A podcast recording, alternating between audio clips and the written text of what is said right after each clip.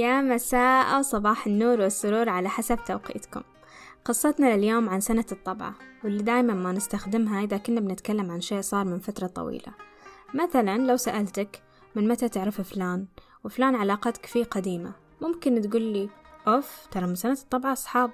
بما معناه أنه من فترة طويلة إحنا أصحاب. لكن ما معنى سنة الطبعة ومتى كانت؟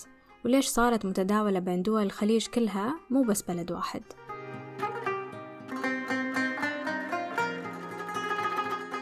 قبل لا نبدأ في تفاصيل القصة خلنا ناخذ معلومات بسيطة عن المهنة اللي هي أساس قصتنا لليوم.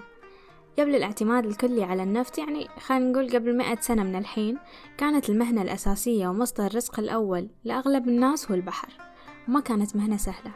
يعني كانوا الناس من أعمار صغيرة تبدأ من 13 14 يطلعوا على السفن اللي عادة تحمل لها من 35 إلى 40 شخص وتأخذ لها أشهر في البحر. وهذه الأشهر تكون مواسم معينة معروفة للكل وموسم قصتنا لليوم هو موسم الغوص.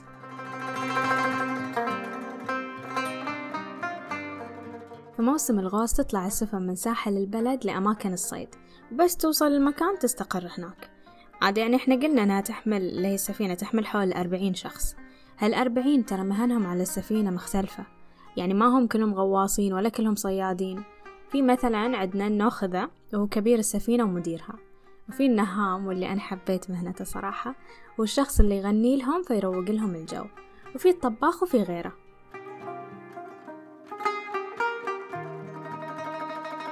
الأزمان القديمة ما كان فيها كل السهولة اللي نملكها اليوم من ناحية التواصل. فاللي يروح البحر فعليا راح يكون مقطوع عن أهله. ولكن بما أنه موسم فوقت بدايته ونهايته كان واضح للكل.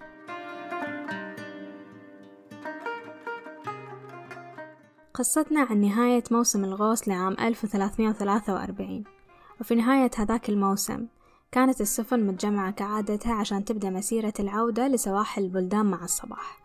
ولكن في فجر هذاك اليوم وقت ما الكل كان نايم هبت رياح قوية جدا وبدت الأمواج تعلى وتضرب السفن ببعضها. اشتد الوضع وصارت السفن تنقلب بالأشخاص اللي فيها وما عاد في مجال للتمسك بأي شيء.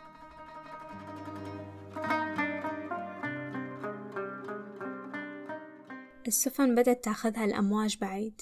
بعضها كان مقلوب باللي فيه بما أن ليل ما كان في مجال للرؤية البعض صار يتمسك بالأخشاب اللي ظلت من بواقي السفن والبعض ظل يسبح بدون ما يعرف وين وجهته. بعضهم ما كان يعرف السباحة لوقت طويل فكان مصيره الموت من البداية.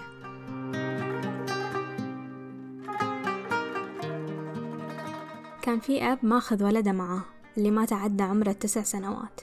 لما انقلبت السفينة حمل ولده على ظهره وظل شايله وهو يسبح به. لكن مع مرور الوقت تعب الأب وما قدر يكمل وهو شايله. خصوصا أن الولد يعني من الخوف كان حاط الإيدين على رقبة الأب. الأب في ثانية حس أن النفس راح ينقطع خلاص. ووقتها حط إيده على إيد ولده وشالها. يقول الأب سمعت ولدي وراي يقول لي سلم على أمي. واختفى.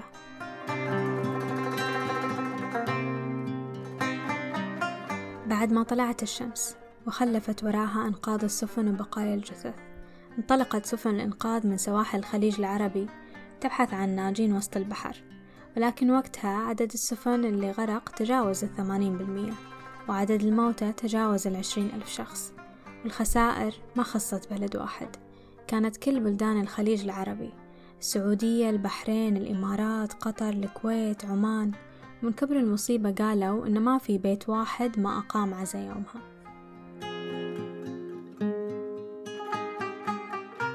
في نهاية قصة اليوم. سنة الطبعة تعني سنة الغرق. طبع الشيء يعني غرق الشيء.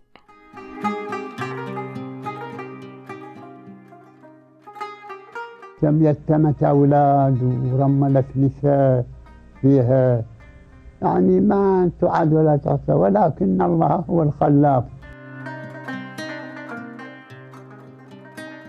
في نهاية حلقتنا لليوم لو أعجبتكم القصة لا تنسوا مشاركتها مع أصدقائكم. ونلقاكم في قصة أخرى في الأسبوع القادم.